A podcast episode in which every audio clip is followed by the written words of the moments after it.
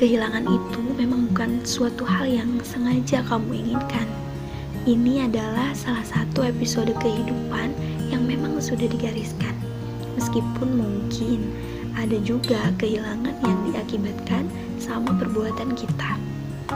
Kalau kamu saat ini sedang diuji dengan kehilangan, entah itu kehilangan seseorang yang dicintai, kesempatan yang amat berharga, kehilangan suatu benda yang kamu sayangi, atau lainnya, hal pertama yang bisa kamu lakukan adalah belajar mengikhlaskan. Apa pun yang hilang dari kamu, ya ikhlaskan, terima dengan hati yang lapang. Meskipun kenyataannya, ikhlas itu gak semudah membalikan telapak tangan, tapi akan jauh lebih sakit kalau kamu terus memelihara sedih, menyesal, atau galau yang tak berkesudahan.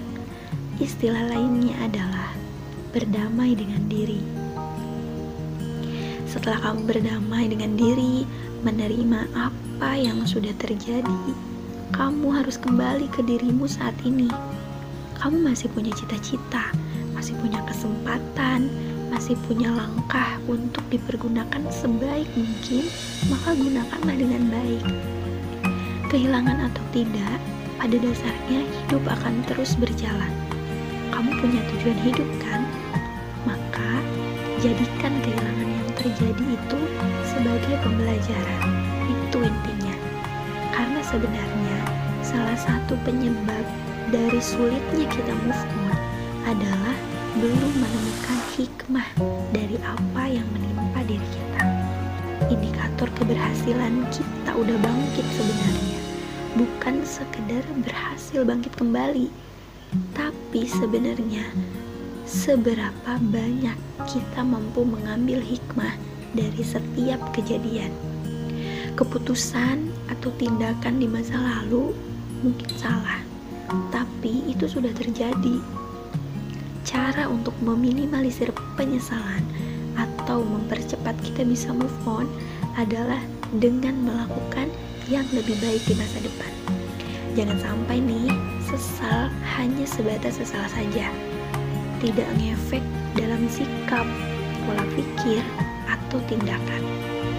Justru dengan kita tidak melakukan hal yang sama atau dengan melakukan yang lebih baik dari sebelumnya, itulah bentuk penyesalan kita.